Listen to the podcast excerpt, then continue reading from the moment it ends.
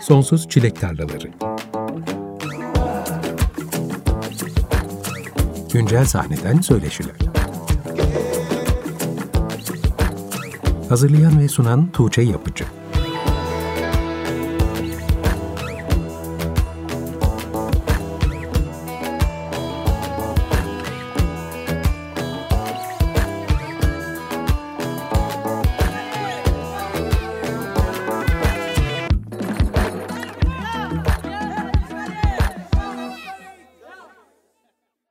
95.0 Açık Radyo'da Sonsuz Çilek Tarlaları programından herkese merhaba. Ben Tuğçe Yapıcı. Programa Can Temiz'in 25 Mart'ta yayınlanan Ahlaken Alçak adlı ilk solo albümünden Anksiyete Her Gün adlı parçayla başladık. Bu hafta sizleri son günlerde en çok dinlediğim albümle tanıştıracağım. O yüzden biraz heyecanlıyım. Hatta albümün yaratıcısıyla ben de ilk defa şu an tanışıyorum. Can Temiz bizimle birlikte. Hoş geldin Can. Hoş bulduk. Selamlar ya. Çok teşekkür ederim ya. Eyvallah. Nasılsın? Teşekkür ederim. Sen nasılsın? Eyvallah güzel yoğun işte. Ee, az önce de konuştuğunuz gibi işte konserler, provalar, röportajlar, podcastler falan derken böyle. En güzel zaman aslında albüm çıktıktan sonraki ilk bir ay. Ya evet evet ya aslında öyle fakat şey oluyor ya böyle her bir arkadaşlarım falan abi hadi çıkalım dediğinde abi çıkamıyorum ben gibi bir durum Şimdi oluyor değil. yani. Şimdiler Biraz bir ay sonra şey Aynen biraz öyle oldu. Can bu senin ilk solo albümün ama aslında yabancı olduğumuz bir sanatçı da değilsin. Uzun senelerdir çeşitli ekiplerle üretimlerini takip ediyoruz. Eyvallah. Bizi dinleyen çoğu insan da seni bir yerlerden tanıyordur diye düşünüyorum. Aha. Model grubunun bas gitaristi olarak uzun yıllar mesain oldu. Ardından Exnan adlı death metal ve punk grubuyla son senelerdeki çalışmaların geldi. Aynı zamanda o tarz mı podcast ile de aktif olarak içerik üretiyorsun. Evet. Bunlar ilk aklıma gelenler tabii ki daha fazlası da var ama şimdi kendi isminle bir solo albüm yayınladın. Aslında solo projen 2020 senesinden beri devam ediyor ve albüm öncesinde de 5 single yayınlamıştın. Bunca ekip çalışması ve grup müziği kültürünün içinde yoğrulduktan sonra sana ben artık solo projemle üretmeliyim dedirten, seni bu noktaya getiren şey neydi? Ya dediğin gibi ben böyle yaklaşık 20 senedir falan grup işleri, ekip işleri yapıyorum sürekli. Çok da keyif alıyorum ekip işi yapmaktan aslında. Çünkü onun çok farklı bir paylaşımı var. İşte senin aklına gelmeyen, senin ufkunun dışında, senin vizyonunun dışında birçok başka vizyon işin içine giriyor ve gerçekten seni hayal bile edemeyeceğin başka bir yere taşıyor. Bu insanlar beraberce bir işi.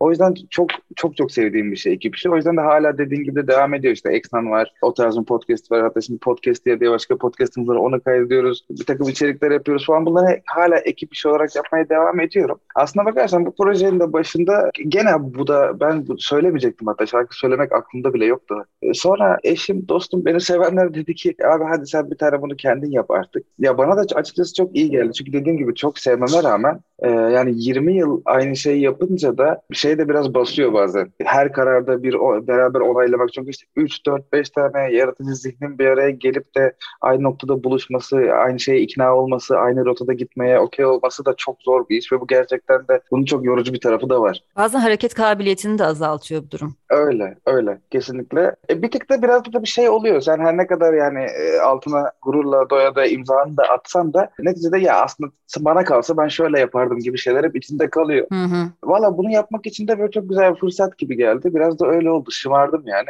Ulan o da içimde kalmasın, bu da içimde kalmasın diye biraz "Aa, bir dakika lan şu an hiç kimseye danışmama gerek yok, kimseye bir şey sormama gerek yok. Şu an kafama istediği gibi her şeyi yapabilirim dediğim böyle e, şımardığım bir döneme girdim açıkçası. Belki de müzik yaparken en özgür hissettiğin dönemde olabilir bu. Aa, yok kesinlikle öyle. Orası kesinlikle öyle zaten. Ya zaten bu albüm, bu projeyi yani oluştururken de gitmek istediğim yer orasıydı. Tamamen özgür olup tamamen kafama göre nereye gideceğim konusunda serbest olmak istemiştim. O yüzden de biraz şart gibiydi aslında bunu tek başıma yapıyor olmam. Albümün çıkışı da aslında pandemi dolayısıyla gecikmiş sanırım. Çoğu Evet. sanatçı konser veremediği pandemi döneminde yeni kayıtlar yayınlamayı tercih etti. Sen neden albüm erteleme yönünde bir karar verdin? İşte bu aslında senin de az önce söylediğin gibi albümden önce yayınladığım 5 single da aslında bu 8 parçaya dahil ve benim kafamda 13 şarkılık bir albümdü. Planım da oydu. İlk pandemiden önce işte Hayvan Yaralı'yı yayınladığımda işte bir süre sonra da artık hani bir, iki, bir single daha belki sonra bütün albümü yayınlamayı planlıyordum ama işte ya pandemide çünkü şöyle bir şey oldu. Çok belirsiz bir dönem olduğu için ve o belirsiz dönemin ne zaman biteceği de belirsiz olduğu için.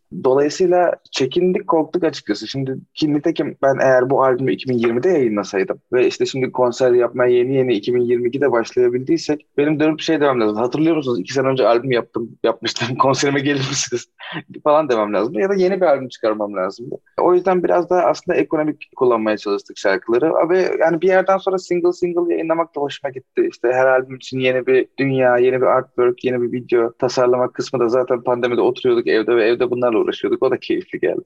Dolayısıyla o yüzden biraz bir iki seneye yaymış gibi oldum bu 13 şarkıyı. Peki single'ları yayınlamaya başladıktan sonra gelen geri dönüşler bazı açılardan etkili oldu mu albümün üzerinde? Yok ya geri dönüşlerden ziyade ee, ya benim ne hissettiğim biraz daha hani o şarkılar da ortaya çıkıp paylaştıkça onların ne yaptığını, nereye gittiğini gördükçe benim nasıl hissettiğimi gördükçe o şarkılarla ilgili biraz ha bak bunu da yaptık şimdi Tamam o da biraz işte gazımı aldı diyelim içimi rahatladı. Tamam o zaman hadi şimdi biraz da bunu deneyelim. Bak öyle bir şarkı yaptık. Artık şimdi onu yapmayalım. Şimdi biraz bu şarkı o zaman biraz böyle olsun gibi. Albümün içinde bana daha böyle bir oyun alanı sağladı. Daha e, yeni keşifler. Yani çünkü bir yaptığın bir şeyi paylaşmanın da bir rahatlaması oluyor. Çünkü onu paylaşmadığın zaman kendini ne kadar ifade ettiğinden de tam emin olamıyorsun. Bu paylaşım sürecinde işte bu beş şarkını e, iki sene içinde işte paylaştığım süreçte biraz da şey oldum. Çünkü e, o beş şarkı daha kendi içinde öyleydi. Albümdeki sekiz parça da biraz öyle kendi içinde. Hepsinin farklı bir dünyası ve ıı, aşağı yukarı farklı tarzları var. Her ne kadar bir potada, ortak bir çatıda birleşiyor da olsalar hepsinin farklı bir yaklaşımı var. O yüzden biraz bu single dönemi benim için deneme tahtası gibi de oldu. Yani böyle projelerin çoğu hazırdı, düzenlemelerin bir kısmı hazırdı ama her şey finalize olmuş değil. Dolayısıyla ben bir şey yapıp saldıkça, bir şey yapıp saldıkça şey gibi oldu. Tamam bunu da yaptık, şimdi başka bir şey deneyeyim. Bunu yaptık, şimdi başka bir şey deneyeyim diye daha da az denediğim, hiç denemediğim şeyleri deneme yönüne itti beni albümde diyeyim. Peki senin model zamandan beri takip eden dinleyicilerin nasıl reaksiyon veriyor solo projene? Şaşırıyorlar mı yoksa senin pop rock dışında farklı türlerle olan yakınlığını zaten biliyorlar mıydı? Ya şimdi orada kim kaldı kim gitti açıkçası bilmiyorum. Elinde yoklama kağıdı da olmadığı için şöyle bir şey oldu açıkçası. Ben hani modelden beri de işte bir sürü bir sürü proje proje yapa yapa işte gerek müzikte olsun gerek müzik dışı olsun. Bir takım projeler yapa yapa yani benim aldığım geri dönüşlerden yazıştığım işte dışarıda karşılaştığım insanlardan yorumlardan mesajlardan anladığım hakikaten benim ne yaptığımı başından beri takip eden çok kemik bir kitle oldu. Abi işte hani e, çıkardın işte bütün projeleri takip ettik her şeyi dinliyoruz işte podcast podcastleri dinliyoruz vesaire. Yani beni sadece modelden bilenler ve sadece modelden sevenler oldu. İşte sadece X-Men'den bilenler var. Sadece o tarzdan bilenler var falan. Derken ortaya bir karışık bir kitle oldu aslında açıkçası. Benim çok sevdiğim ve beni çok iyi anladığını düşündüğüm gene e, aldığım yorumlardan ve aldığım tepkilerden ama şimdi yüzde olarak bunun hangisi modelden beri geliyor, hangisi yeni geldi, hangisi vardı, hangisi yoktu bilmiyorum. Ama şu an benim hitap ettiğim kitlenin, yani daha doğrusu benim dinleyicimin diyeyim, benim yaptığım şeyleri dinleyen insanlarla çok güzel bir ilişkim olduğunu biliyorum. Hem benim onları tatmin edebildiğimi bana söyledikleri, hem de benim onların tepkilerinden, duygularından çok tatmin olduğum karşılıklı bir ilişkimiz var. Ben bu albümde farklı türler arasındaki geçişleri ve şarkıların trafiğindeki tahmin edilemezliği çok sevdim. Senin kendi tanımınla albüm elektronik indie, avantgard rock, horrorcore, punk ve alaturk öğeler içeriyor ve albümün neredeyse tamamının söz, müzik ve aranjeleri sana ait Can. Evet. Ama aslında solo proje için yola çıkarken aklında böyle bir sound yokmuş sanırım. Yok hiç yoktu ya. Hatta işte şey bayağı ben böyle singer songwriter, akustik gitar, perküsyon falan bir albüm yapacağım diye e, şey yapıyordum. Hani şarkılar var. Konu şarkılarla alakalı olacak. Hiç şeye girmeyeceğim. İkircikli ikircikli bir şeylere girmeyeceğim. Gireceğim akustik gitar kaydedeceğim çıkacağım gibi bir plan varken başta bahsettiğimiz dedik ya birden tek karar mekanizması olma, birden bir solo projeye girişmenin farkları ne olduğu, hissettirdiği ne oldu diye biraz o oldu. Hı-hı. Bir anda böyle lan bir dakika benim kimseye hiçbir şey danışmaya ihtiyacım yok ve şu an ne istersem yapabilirim fark ettiğim anda şey oldum. İçimde ne kaldıysa yapayım, her şeyi yapayım yani nasıl bir şarkı istiyorsam yapayım. Açıkçası onu hissettikten sonra ya ben şöyle bir şarkıda yapmak istiyordum, böyle bir şarkıda yapmak istiyordum derken derken biraz bu hale geldi açıkçası. Başta böyle bir fikrim yoktu yani buraya gitmesiyle ilgili. Albüm kayıtları 2020-2022 arasında gerçekleşmiş evet. ama albümdeki şarkıların yazımı hangi tarihe kadar uzanıyor? Çok eski şarkılar var mı yoksa bu albüm tam anlamıyla senin 2016 sonrası dönemin ürünü diyebilir miyiz? Ya aslında böyle her bir melodiyi, her bir ufak söz parçasını böyle ilk şeye ne kadar takip etsem buradan böyle 2010'lardan bile şeyler, melodiler çıkar ama haydi ben bunları bir şarkılar yapıyorum ve bunları bir toparlayacağım ve bunlar bir şey olacak diye gerçek bir proje olarak başına oturmam 2017'den beri aslında. 2017'den beri bu şarkılar yapılma ama tabii ki şey değil bu her sabah kalkıp 2017'den beri şarkıları yazmıyorum tabii ki. Tabii ki bir sürü gene başka proje, iş, hayat falan derken hani 2017'den beri şekilleniyor diyeyim şarkılar. Yani aklındaki parçaların aslında senelerdir cebinde biriktirdiklerinin şarkı formuna dökülmesi o döneme Evet. tekabül ediyor. Aynen öyle, aynen. Peki albümün ismi Ahlaken Alçak olduğu için hem senin kendi ahlak tanımını hem de neden albüme bu isim verdiğini merak ediyorum. Eyvallah. Şöyle beni kendi şahsi hayatımda da çok gere yani artık germiyor ama çok zamanında hayli germiş bir durum var. Ya işte birbirimizin artık e, birbirimizi yargılamakta, birbirimizi çok sesle, çok bağıra bağıra yargılamakta çok özgür hissediyoruz kendimizi bir şekilde. Ve bunun şeyinin farkında değiliz aslında. Ne kadar toksik bir şey olduğunun farkında değiliz gibi. Ama bu bir noktada iki tarafın da işte hayır sen haksızsın, hayır sen haksızsın, hayır ben haklıyım, sana şimdi nasıl olduğumu kanıtlayacağım gibi bir şeye dönüşüyor ama biraz uzaktan çekilip baktığında bütün bu kargaşa çok saçma geliyor çünkü aslında şeyden kaynaklanıyor. İki tarafta hayatı kendisinin doğru yaşadığını, karşıdakinin yanlış yaşadığını iddia ediyor ve kendi yüzde yüz buna emin, emin ikna olmuş durumda. Yani herkes şey durumda. Ben hayır, her şeyi biliyorum, her şeyi araştırdım, her şeyi okudum, bütün tecrübeleri tattım, bütün derinliklere girdim çıktım ve ben artık hayatın nasıl yaşanması konusunda kesin bilgi sahibiyim. Sen bilmiyorsun, ben şimdi sana anlatacağım bunu diye geliyor. Karşıdaki de aynı şeyi düşünüyor. Halbuki kimse hiçbir şey bilmiyor. İkiniz de bilmiyorsunuz. Ve işte bu aslında biraz hani böyle ahlak ahlak kelimesini kullanınca biraz hani konservatif ahlaktan bahsediyormuşum gibi oluyor ama hayır aslında herkesin kendi bireysel ahlakından bahsediyorum. Ve dolayısıyla herkes birbirini bağıra çağıra yargıladığı bir dönemdeyiz. E aslında temelde hepimiz hayatı yanlış yaşamaktan çok korkuyoruz. Ya ben işte doğru kararlar mı verdim? Doğru şeylere mi inanıyorum? Benim doğrum doğru mu? Yanlışım yanlış mı? Eğri mi eğri mi? İyi mi iyi mi? Kötü mü kötü mü? Herkes bu kargaşalar, içsel kargaşalar içerisinde olduğu için bu kargaşadan hepimiz kendimizi kurtarmak için tutturduğumuz bir tane mutlak doğruya çok sıkı sıkıya tutunuyoruz aslında. Ve onu ne pahasına olursun korumak istiyoruz. Aslında dışarıda birileriyle kavga ederken aslında kendimizle kavga ediyoruz. Aslında duymak istemediğimiz şeyleri duyunca tetikleniyoruz ve hayır sen nasıl öyle dersin bu böyledir diye aslında kendimizle kavga ediyoruz. Ben biraz hadi rahatlayalım demek istedim. Yani bakın hadi ben başlatıyorum diyaloğu. Ben size söyleyeyim. Ben yanlışım size göre haklısınız. Siz doğrusunuz benimle ilgili ne söylüyorsunuz kendi içinizde. Ben ahlaken size göre alçak bir noktadayım. Ve bu konuda yapabileceğiniz hiçbir şey yok.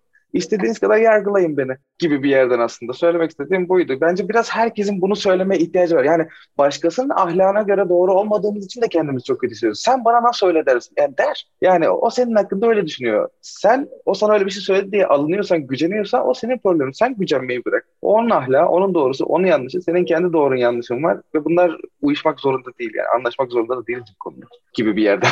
Bana ahlak çok öznel bir kavram gibi Bence geliyor. de. Ben mesela kendi değerlerime göre çok ahlaklı bir insan olduğumu düşünüyorum ama başka birisine göre ahlaksız olabilirim. Aynen. Ya da senin de çok farklı değerlerin olabilir ama ben kimim ki seni yargılayayım? Aynen öyle. Aynen. Benim de bakış açım bu ahlak meselesine. Aynen. Aynen onu anlatmak istedim zaten o ismi koyarken de. O yüzden benim çok hoşuma gitti bu seçtiğin isim ve verdiğin mesaj. Eyvallah çok teşekkür ederim. Can şimdi albümden bir parça daha dinleyeceğiz. Hı hı. The Ayılar grubundan Ayı Murat'la Hı ortak bir çalışma yaptığınız Her Şey Yapışkan parçasını dinleyeceğiz. Dinlemeden önce dinleyenlere söylemek istediğim bir şey olur mu? Aslında şarkı kendi kendine izah ediyor. Biraz işte daha protest bir şarkı. Biraz işte elektronik soundlarla punk sound'unu hibritleyip yapmak istediğim ve içine de birazcık da duygusallık katmak istediğim bir parçaydı. Punk yönü, punk sound'u ağır basan bir şarkı olduğu için de Ayı Murat çok sevdiğim bir arkadaşım. Onunla beraber yapmak istedim. Böyle söyleyebileceklerim. Bu az önce bahsettiğim tahmin edilemezlik bu şarkıda iyice kendisini gösteriyor. Şimdi zaten bizi dinleyenler de duyacaklar ne demek istediğimi daha iyi anlayacaklar. Şimdi Can Temiz'in Ahlaken Alçak albümünden Her Şey Yapışkan adlı parçayı dinliyoruz. Hemen ardından tekrar kendisiyle burada olacağız. Açık Radyo'da Sonsuz Çilek Tarlaları programı devam ediyor. Can Temiz'in Ahlaken Alçak adlı 25 Mart'ta yayınlanan albümünden Ayı Murat'la işbirliği yaptığı Her Şey Yapışkan adlı parçayı dinledik. Can Temiz bu akşamki konuğum. Şimdi tekrar kendisine dönüyorum.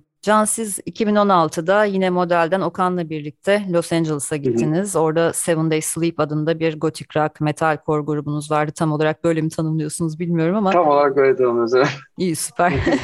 Gitme motivasyonunuz orada müzik yapmak mıydı temelde? Ya şimdi dönüp bakınca daha bariz bir şekilde görüyorum ki aslında benim gitmek isteme sebebim biraz kaç her şeyden uzaklaşmaktı. Her şeyden kaçmaktı. Çünkü yani aslında o o kadar iyi geldi ki bana. Orada her şey yani tanıdığım merkezde özellikle modeldeyken içinde bulunduğum mainstream müzik endüstrisinden uzakta olmak, müzikle tekrar bütün bu benim üstünde olan beklentilerden, ön yargılardan vesaireden, kendimden beklentilerimden, artık kimin nasıl şekillendirdiği hakkında bir fikrimin kalmadığı, kendimden beklentilerimden uzaklaşarak hatta ya ben bu müziklerin hiçbirini yapmıyorum, ben gidiyorum ve orada bir şey bakacağım bakalım ne yapacağıma diyerek gitmek bana o kadar iyi geldi ki orada tekrar müzikle ilişkime tekrar baştan keşfetmemi sağladı. Aslında biraz kopmak üzere olan bir bağımı, heyecanımı tekrar tazelemiş oldu. O özgürlük hissi, hiçbir şey yapmak, hiçbir müzik yapmak zorunda olmama hissi, hiçbir şey üretmek zorunda olmama hissi çok iyi geldi. Oradayken de evet Seven Days Sleep grubuyla e, bayağı bir çaldık. Bir EP yayınladık. İşte birçok birçok böyle yani benim rüyalarımda çalmak olan mekanlarda çaldık. E, öyle çok çok iyi geldi. Ha tabii ki böyle e, gideceğiz, müzik yapacağız ve çok acayip olacak diye mi gitmiştik ya o açıkçası o hayatta attığım bir adımdı yani. Hani o an onu yapmak istiyordum. Öyle yaptım ve çok iyi geldi.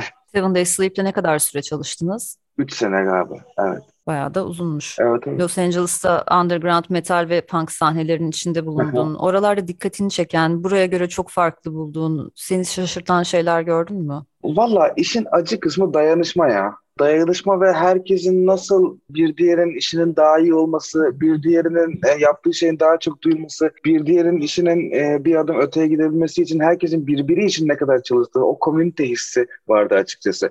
Şimdi şimdi şimdi biraz underground sahnede, underground seviyede bu biraz oluşmaya başlıyor ama bence benim gene oralarda gördüğüm kadar değil açıkçası. Burada herkes biraz daha bu yani müzikle, sanatla falan alakalı değil. Hani millet olarak biraz kompleksli bir milletiz ve yaptığımız her işte biraz bir diğerinin başarısı, bir diğerinin iyi gitmesi, bir diğerinin yaptığı e, bizi çok mutlu etmiyor samimi bir şekilde aslında. Vay o niye öyle yapmış? O öyle yapmış ama o şu yüzden sen biliyor musun ki o böyle böyleydiler falan filan bilmem neler. E, hatta yani onun işi iyi gitmesin diye işte yok kuyusunu kazmalar, arkasında iş çevirmeler falan filanın çok olduğu bir ortamdan oraya gidince açıkçası herkesin bir diğerinin işi için ne kadar canlı başla çalıştığını görmek inanılmaz benim için ilham verici oldu. Bu bir de şey yani o kadar güzel bir kültür ki bu şeyi ortaya koyuyor. Yani herkes bir diğerini kendisi kadar hatta kendisinden çok düşündüğü zaman herkesin birbirini desteklediği bir komünite oluşmuş oluyor yani. Herkesin aslında. hayatı kolaylaşıyor. Aynen öyle. Kimse hayatı birbiri için zorlaştırmaya çalışmıyor. Burada 2010'larda epey güçlenmeye başladı aslında. Önemli adımlar atıldı Hı-hı. ve devamının geleceğini de düşünüyorum bağımsız sahnedeki müzisyenler, sanatçılar arasındaki dayanışmanın. Tabii, evet öyle. Tabii ki bunu genellemek mümkün değil. Yani öyle olan insanlar da vardır, olmayan insanlar da vardır. Ben bu kadar büyük bir dayanışma hissi görmemiştim açıkçası. Yani belki benim içinde bulunduğum ortamlardan olabilir ama e, beni en çok etkileyen oydu açıkçası. Sonra burada Exnan adında bir death metal punk grubu kurdun. The Composition of an Infant Soul adlı bir albüm yayınladınız 2019'da ama hemen ardından da pandemi başladı maalesef. Exnan'ın kuruluş hikayesinden ve ekipten biraz bahseder misin? Deminden beri bahsettiğimiz ben modelden sonra işte e, Amerika'ya gittim ve orada bir takım arayışlarım şeylerim devam etti. Aslında Seven Days Sleep onlardan biriydi. Ya dur bakalım ben böyle müzik yapmak istiyorum diye giriştiğim bir şeydi. Fakat bir yerden sonra şey de oldum. Ya ben daha sert bir şey istiyorum galiba. Hani kesmedi yani açıkçası. Yani mutluydum gene çok güzel müzik ama galiba daha da işi ucuna sürüklemek istiyorum. Daha da hem kendimi challenge etmek istiyorum hem dinleyiciyi de daha fazla challenge etmek istiyorum. Biraz daha bu işin derinine ve karanlığına inmek istiyorum gibi bir his oldu. O dönem Seven Days Sleep'le bunları konuştuk. Ya ben böyle çünkü işte yeni şarkılarını hazırlıyorduk Seven Days Sleep'in de o zaman. Ben böyle çok çok sert şeyler hazırlamaya başladım. Sonra oturduk konuştuk. Hani grubun bende aynı yönde olmadığı ortaya çıktı. E ben de biraz şeydim artık o saatten sonra. İşte bu bahsettiğim yorgunluk vardı ya yani böyle sürekli hep beraber bir şeyler karar vermeye çalışmanın yorgunluğu da vardı işte. Biraz şey dedim ya ben şimdi buraya gitmek istiyorum ben buraya gideceğim. Hani artık da böyle hani ay grup Yol yakınken gideyim. De, evet evet artık onları da yapamayacağım hadi o zaman dağılalım diye. O da böyle hızlıca ama şey yani çok tatlı bir şekilde hey madem diye dağılıp hala arkadaş olduğumuz bir şekilde o proje son bulduktan sonra ben tamam bakalım şimdi ne istiyorsun diye Exna'nın demolarını hazırlamaya başladım. Sonradan adı Exna olacak işte o projenin demolarını hazırlamaya başladım. O da Exna'na dönüştü işte aslında. Onun da ilk albümünü ben tamamını yazmıştım. Övünç, Övünç Dan var. Övünç Dan çok sevdiğim arkadaşım müzisyen. Onunla beraber kaydettik. O albüm işte Decomposition of an Infant Soul da o albüm aslında. O albüm yayınlandıktan sonra haydi konserler yapacağız derken zaten pandemi oldu. O esnada da grubun şu anki son hali şekillendi işte. Radical Noise'den Ersin Çağlayan geldi gitara. İşte Cosmic Yıkım'dan Ozan Çam geldi diğer gitarda. En sonunda Diabolizer, Engulf ve Burial Invocation gruplarından Aberrant Engin vardır. Engin geldi davula. Şu an son kadromuz bu şekilde oldu. Onunla da yeni bir albüm de yazdık, kaydettik. Hatta şu an mixte. Onu da herhalde inşallah bu sene bitmeden çıkarmak istiyoruz. Kadro şahane. Evet. Övünç'te geçtiğimiz aylarda Kana Kana projesiyle of, ilk albümüyle konuğum olmuştu. Gerçekten senin çok önemli albümlerinden biri olduğunu düşünüyorum. Sene sonunda da aynı fikirleri Kesinlikle. devam ettireceğimi, düşüneceğimi sanıyorum. Müthiş bir albüm, müthiş bir albüm. Bugünlerde Eksenan'la konserlere de tekrar başladınız gördüğüm kadarıyla. Hı hı. Evet, Surge platformunun bir konseri vardı. Senatop ve Intestine Autopsy ile beraber çaldık The Wall'da. Exxon biraz öyle bir grup yani hem e, death metal hem punk tarafına çok rahatça kayabiliyor. O mesela bir death metal gruplarıyla verdiğimiz bir konserde. Bu yayınlandığında geçmiş olacak ama işte geçenlerde de diyeyim. e, Ayılar ve Tampon'la ve Moment grubuyla bir punk gecesinde çaldık. Dolayısıyla onda konserler devam ediyor. Daha festivallerde çalacağız. Yazın da olacak konserler vesaire. O cephede de aktifsin yani. Aynen Exxon'a tam biraz devam ediyor. Senin de kurucu üyelerinden olduğun model grubu 2005 ve 2016 yılları arasında arasında aktifti. Özellikle 2000'lerin ikinci yarısı müzik piyasasının bugüne göre çok farklı dinamiklerle işlediği bir dönemdi. Siz de büyük bir popülarite yakalamıştınız. Modelin müziği ana akım medyada kendisine yer bulmuştu. Gazeteler, radyolar, televizyon kanalları gibi konvansiyonel medya organlarında yer aldınız. Geniş kitlelere konserler verdiniz ve bunları nispeten erken bir yaşta yaşadığını söyleyebiliriz herhalde. Bir yandan sen punk kültüründen geliyorsun. Punk, metal ve yeraltı kültürlerden beslenen bir altyapın var. Şimdi geriye dönüp baktığında o dönemde yaşadığın tüm deneyimler senin müzikle olan ilişkini nasıl etkiledi Can? Büyük soruymuş. Ee, ya bir kere kesinlikle o dönem beni e, nasıl diyeyim bir kere kontrol öğretti bana kesinlikle müzikal olarak konuşacaksak. Çünkü mainstream bir müzik üretmek kesinlikle e, şarkının, o bestenin müziğin üzerinde çok mutlak bir kontrolünüz olmasını gerektiriyor. Ee, Ve o kontrol çok kolay elden kaçabiliyor herhalde. Ya kesinlikle öyle ama hele ki özellikle işte punk gibi metal gibi daha özgür ve daha deneysel bir yerlerden geliyorsanız çok daha güçlü bir structure yapısı kurmayı öğreniyorsun. Çok daha net, basit hareketlerle çok daha büyük duyguları hareket ettirmek gibi kabiliyetler kazanıyorsun vesaire. Aslında baktığında şarkı yazarlığı skilllerimi çok geliştirdi benim. Öyle bir kültürün içinde olmak. Ve dolayısıyla sonra bunu alıp yani ben zaten artık çok sağlam structure'lı şarkılar yazabiliyorum dediğimde bu bana ekstra bir özgürlük sağladı. Daha e, trafik açısından, kompozisyon açısından çok daha özgür olduğum diğer Exman gibi projelerde hatta bakın Can Temiz gibi projelerde bile biraz kontrollü kaos sağlayabildiğim bir yere getirdi beni açıkçası. Yani kaosu kendisini kontrol edebildiğim bir e, skill geliştirmemi sağladı. E, onun haricinde tabii ki şimdi bunların hem bana pozitif katkısı olan hem negatif katkısı olan tarafları var ama bu işin çok katı ama çok güçlü ve çok gerçek bir business tarafı olduğunu gösterdi. Ve açıkçası hani ya ben de işte bu şarkıları yapıyorum. Ondan sonra da salıyorum. Dinleyen dinlesin, dinlemeyen dinlemesin. Ben zaten keyfime bakıyorum demediğiniz sürece bu kesinlikle business tarafıyla el ele yürümek zorunda olan bir şey. İkisini birbirinden ayırmanız imkansız hepsini hepsi aynı business modeliyle çalışıyor demek değil ama hepsinin kendi içinde çalışacak bir business modeli de olmak zorunda olduğu gerçeği. Ancak o şekilde senin bir projeyi istediğin bir yere noktaya taşıyabileceğin hangi tarz olsun ister death metal olsun ister pop olsun ister jazz olsun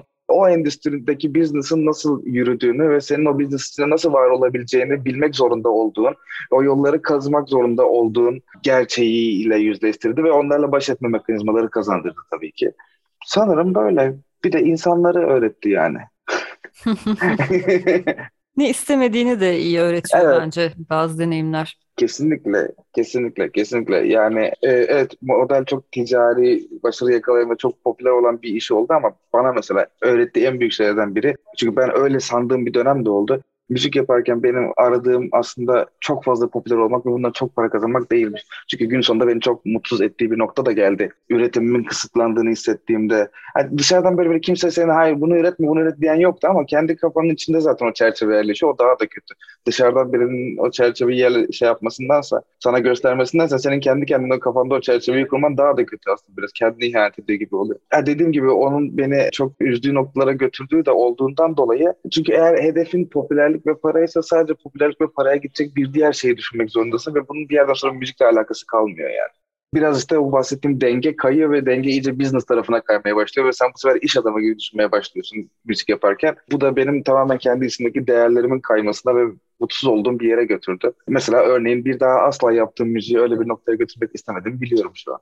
Aslında senin gibi o senelerde müzik piyasasında o bağlamın içinde bulunmuş bazı sanatçılar şu andaki bu paradigma kaymasından çok da memnun değiller. Yani fiziksel albüm satışlarının bitmesi, aslında dünyada da rockstarlık ya da popstarlık müessesesinin çökmesi Aynen öyle. ve eski ilgiyi belki görememek, bir takım işlerin daha zorlaşması, plak şirketlerinin eskisi kadar yatırım yapmaması projelere.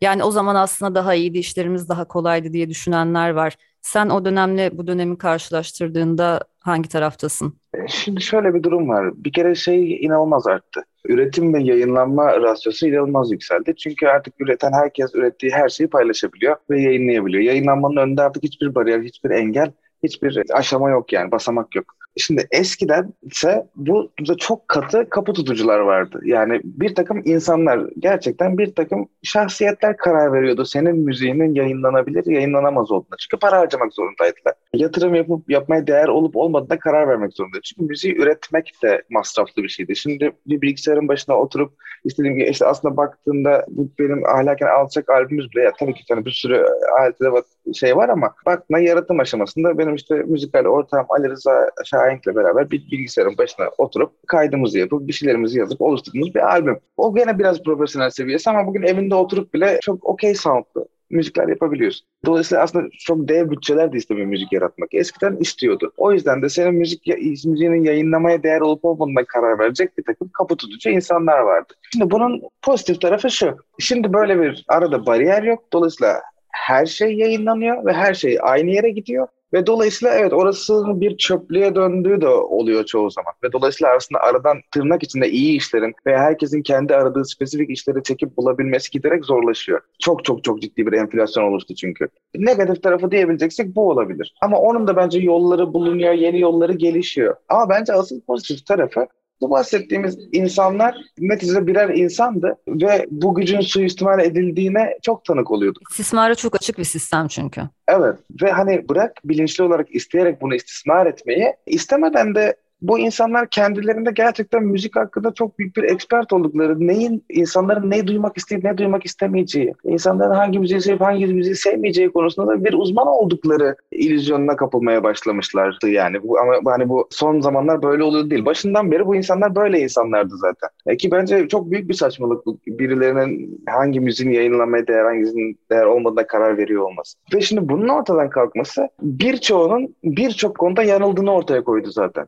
Yani o kadar fazla e, bastırılmış, fırsat verilmemiş genç müzisyen, yeni akımlar, yeni fikirler, yeni oluşumlar, o bariyerler kalkınca o kadar akın akın geldi ki birçok şans verilmeyen insanın aslında ne kadar da mainstream'den de daha büyük hatta kitlelere erişebileceği, o, o günün mainstream'inden de daha büyük kitlelere erişebileceği ortaya çıktı. Hatta mainstream'in şeyi kaydı, şaftı kaydı yani. Ki bence de şu an orada yani. Hatta şu an artık işte öyle bir bu enflasyondan dolayı öyle bir durum ortaya çıktı ki artık tek bir stardan, tek bir büyük mainstream'den bahsetmek de mümkün değil. Herkesin kendi niş e, streamleri var gibi yani. Herkes kendi niş alanının peşinde biraz gibi hissediyorum. Ben bunu pozitif buluyorum açıkçası ve ben bu, bu beni şey. Bu beni motive eden bir şey. Çünkü bu, bu bana şey istiyor. Her şey serbest yani artık biraz sana bırakıyor. Biraz o, o açıdan Amerikan sistemine benziyor. Yani bu müziği duyurmak senin görevin kardeşim. Senin sorumluluğun. Sen bu müziği duyuracaksın. Ama ne istiyorsan yap. Bana bu adil geliyor yani. Daha adil geliyor en azından. Çok benzer fikirlerimiz varmış Can bu konularda. Evet, ben de bu gatekeeper'ların bir takım otoriteler tarafından sanatçıların tanınmasını zorunlu kılan sistemin istismara çok açık olduğunu düşünüyorum ama bugünkü evet. sistemde de dinleyicinin işi çok zor. Evet. Ve bence bu zaman içerisinde kürasyonları daha önemli hale getirecek giderek bir takım işte blogların, müzik yayınlarının, radyoların ya da belki influencerların Spotify'da playlist hazırlayan kişilerin hı hı. etkisi daha da artacaktır diye düşünüyorum. Çünkü bu kadar bolluk içerisinde seçim yapmak giderek zorlaşıyor. Kesinlikle. Ama bu sistemde aslında maalesef sanki kendi istismar yöntemlerini üretmeye de başladı. Hemen hızlıca. Çünkü işte bir takım çok takipçili Spotify playlistlerine girmek için işte yüksek ücretler talep eden kişiler var dünyada. Türkiye'de o kadar daha galiba bunlar başlamadı ama bakalım zaman içerisinde nasıl bunlarla başa çıkacağımızı evet, göreceğiz. göreceğiz. Evet. Bence de hala bir türbülans halinde ama illaki bir dengeyi bulacak bir yerde. İnşallah e, herkesin sağlıklı bir denge olur artık o. Hiç muhabbeti kesmek istemiyorum ama albümden de mümkün olduğunca çok parça dinleyelim istiyorum. Şimdi Altın Gibi Ağır'ı dinleyeceğiz. Bu parça galiba senin için biraz özel. Ee, yani 2018 yılında annemi kaybetmiştim zaten. Ee, sağ bu olsun. teşekkür ederim sağ ol. Aslında Los Angeles'tan dönüşümüzde de çok büyük etkilerden biri olmuştu. Çünkü bir de uzun süren de bir süreç oldu. Böyle bir aylarca gitmek gelmek zorunda kaldım. Aylarca burada kalmak zorunda aldım. Kaldım, gittim, geldim vesaire. Ya tabii ki tabii ki çok yaralayıcı bir süreçti. Yani daha önce kayıplarım olmuştu ama tabii ki hiç yani bunun yeri apayrı ve dolayısıyla gerçekten benim için e, yaşam değiştirici, hayatımı değiştirici bir noktaydı. Ve bir şekilde bir noktada yüzleşip bunu hani sistemden atmam da gerekiyordu bu hisleri. Yani aslında hislerden kurtulmak için değil de daha sağlıklı bir şekilde yüzleşebilmek için. Yani bunun için terapiye de gidebilirdim ama şarkı yazmayı tercih ettim. Ve bir katarsis yaşadın sanırım bu şarkıyla. Evet, aynen öyle. Bu şarkı, o şarkı. O zaman şimdi iki parça birbiri ardına dinleyeceğiz. İlki Can Temiz'in Ahlaken Alçak albümünden şimdi bahsettiği Altın Gibi Ağır adlı parça olacak. Hemen ardından yerli sahnede son dönemde yayınlanan başka bir kayıt dinleyeceğiz. Güneş Kardeş'in Zahiri adlı 1 Nisan'da yayınlanan single'ı gelecek. Sonrasında size bir de konser haberimiz olacak. Can Temiz'de tekrar kapanış bölümü için burada olacağız. Radyoda Sonsuz Çilek Tarlaları programındasınız. İki parça birden dinledik. İlki Can Temiz'in Altın Gibi Ağır adlı parçasıydı. İkincisi de Güneş Kardeş'in Zahiri adlı bu ay yayınlanan yeni single'ıydı. Güneş Kardeş Şubat ayında programda konuk ettiğim Güneş Akküre'in solo projesi. Güneş'le hem solo projesini hem de üyesi olduğu Ponza grubunun yeni çalışmalarını, ayrıca kurucusu olduğu Tarla Records'ın son dönem çalışmalarını da konuşmuştuk. Az önce dinlediğimiz Zahiri Güneş Kardeş'in ikinci single'ı yine çok beğendiğim için hemen sizlerle birlikte de dinleyelim istedim. Şimdi tekrar bu akşamki konuğum Can Temiz'e dönüyorum. Bir konser haberimiz var demiştim şarkılardan önce. Evet. 27 Nisan çarşamba akşamı İF Beşiktaş'ta Ahlaken Alçak albümünün lansman konseri gerçekleşecek. Lansmanın günahı olmaz alt başlığıyla çıktı konser afişi. Bu aslında müzik sektöründe ilk albümler için çok kullandığımız bir deyiştir. İlk albümün günahı olmaz deriz ama lansmanın günahı olmaz versiyonunu ilk defa duyuyorum. Kimin fikriydi bu? ya işte bizim şeylerle e, menajerimiz Can Şener ve İpek Nazal başla muhabbet ederken çıktı aslında biz kendimiz ya lansmanın günahı olmaz derken çıkmış oldu yani. Biraz da bize böyle yani albümün ruhuna da benim yaklaşımıma da çok oturduğunu hissedince hakikaten yazalım mı dediler afişe. Yazın dedim. Neden yazmayalım? İlk defa solo projenle sahnede olacaksın. Bu sana ne hissettiriyor? Farklı bir heyecan var mı? E, farklı bir heyecan tabii ki var. Çok büyük bir bilinmezlik şu an benim için. Tabii ki çok çalışıyoruz, prova ediyoruz ama gerçekten o sahneye çıktığın ana kadar hepsi bir şey, bir muamma böyle şu an kafamda bir fanteziden ibaret. Vallahi o gün orada göreceğiz hep beraber. O yüzden de biraz lansmanın günah olmaz. Çünkü biz de yani ne yapıyoruz, ne yapamıyoruz o gün sahnede göreceğiz. Hep beraber, dinleyicilerle beraber. Ama tabii ki çok çok çok çok heyecanlıyım. Yani hem pozitif anlamda hem de negatif anlamda stresliyim de hem de pozitif anlamda çok heyecanlıyım. İkisi baş başa gidiyorlar şu an. Gelecek çarşamba İF Beşiktaş'ta. Evet. Göreceğiz bakalım neler olacak. Ekibini hiç bilmiyorum Can. Sana sahnede kimler eşlik edecek? ee, bu arada çoğunluğu Exnan aslında Exnan elemanları. Yine Ersin Çağlayan, Ozan Çam ve Aberant Engin var. Sadece o ekibe bir Tuğçe Bürge diye çok sevdiğim e, müzisyen arkadaşım eşlik edecek. E, gitarist vokalist olarak. Böyle beş kişi sahnede. Albümdeki konuk sanatçıları da konserde görecek miyiz? E, sürpriz olsun. Evet, görürüz. O da işin sürprizi olsun. Her şeyi de söyletme diyorsun. Çok haklısın. Albümdeki işbirliklerinden parçaları çaldıkça bahsettik aslında. Ayı Murat'la yaptığınız ortak çalışmayı çaldık. Ama albümde Damla Pehlevan, önce Nadas grubuyla sonra da solo kariyeriyle tanıdığımız Fırat Ağacık ve eşin Burcu Erim'le düetler yer alıyor. Bu isimlerin albüme dahil olmasının temel sebebi hepsinin senin çok yakın olduğun insanlar olmasıymış sanırım. Yani ticari bir kaygıyla kitlelerimizi birleştirelim de iki tarafında kazançı çıkacağı bir bir işe imza atalım anlayışıyla yapılmamış işbirlikleri olduğunu Ay, görüyorum. Yok. Çünkü fit kavramı son yılların en çok tercih edilen PR stratejilerinden biri haline geldi. Evet. Bu anlamda bu yaptığın seçimlerin arkasında da bir tavır, bir duruş seziyorum. Ya ya evet öyle ya şöyle söyleyeyim. Ben o bahsettiğin şeye karşı değilim tabii ki. Bence bu arada güzel bir şey. Hani şey olduğu zaman ya bu işin içinde gerçekten karşılıklı bir alışveriş de söz konusu olduğu zaman iki tarafın birbirine hani artistik olarak da beslediğini işin kendisinden sezdiğiniz zaman iki tarafın kitleleriyle birbirini beslemesinde bence hiçbir sakınca yok. Bence gayet, gayet de mantıklı bir strateji. Ee, ama evet şey bunu da suistimal edildiği çok oluyor. Fakat evet benim ee, ya aslında biraz duruştan ziyade biraz hissiyatımla alakalı. Yani şey siz böyle yapıyorsunuz ama işte ben de arkadaşlarımı koyacağım gibi değildi de gerçekten benim ilk albümüm, ilk işim Ve hani bunun içinde olacak insanların gerçekten arkadaşım olmasını istedim. Arkadaşım olan insanlar olmasını istedim. Ve çok şanslıyım ki benim de gerçekten sanatları da çok takdir ettiğim e, artist arkadaşlarım var çevremde. Ve her biriyle hep içimden geçirmişimdir ya şununla bir şey yapsak, onunla şöyle bir şey yapsak diye gene e, içimde kalmasın diye. E, herkesin sanatının e, beni en çok heyecanlandırdıran, en çok hayranlık duyduğum taraflarıyla benim yapmak istediğim işin birleşebileceği noktaları bulup gerçekten o hayranlık duyduğum işleriyle benim kendi tarzımı bir araya koydum. işler ortaya çıksın. Çok yakın arkadaşlarımla istedim. Motivasyonum buydu yani. Aslında şunu anlıyorum tüm anlattıklarından bir özetlemek gerekirse programın kapanışına doğru. Albümün tüm öğeleri, albümün yapımındaki tüm aşamalarda senin karar verme süreçlerin temel olarak nasıl hissettiğin üzerinden ilerlemiş gibi anlıyorum.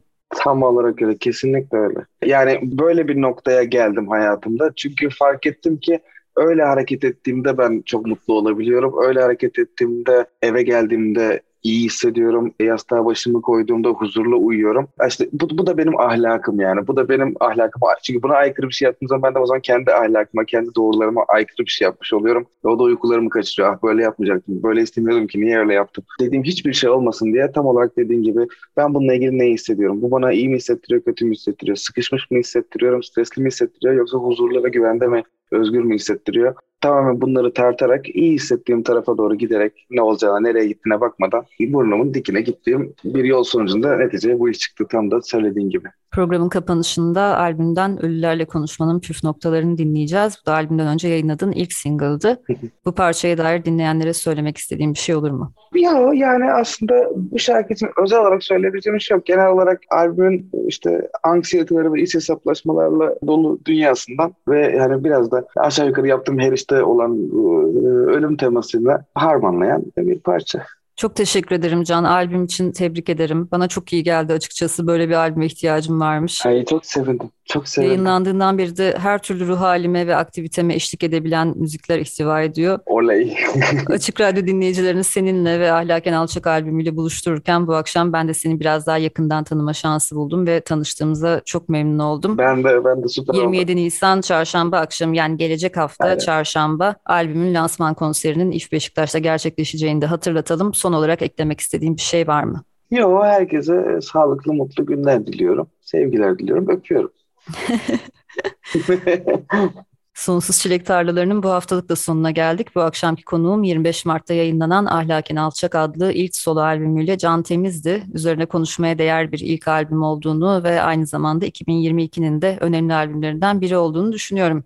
Gelecek hafta konuğum Beats by Girls Türkiye Direktörü Beril Sarıaltun olacak. Uzun zamandır kendisini konuk edip Beats by Girls Türkiye'nin çalışmalarını konuşmak istiyordum. 25 Mart'ta yayınlanan ve Beril'in de prodüktörlüğünü üstlendiği Benim Şehrim Benim Sesim albüm vesilesiyle bir araya geleceğiz. Ve hem tamamı kadın müzisyenler tarafından yazılmış 12 özgün şarkıdan oluşan bu toplama albümü konuşacağız hem de Beats by Girls oluşumunun da çıkış noktası olan müzik endüstrisinde toplumsal cinsiyet eşitliği konusu üzerine biraz birlikte kafa yoracağız. Bu akşamlık sizlere Can Temiz'in Ölülerle Konuşmanın Püf Noktaları adlı parçasıyla veda ediyoruz. Gelecek pazartesi saat 20'de görüşünceye kadar hoşçakalın.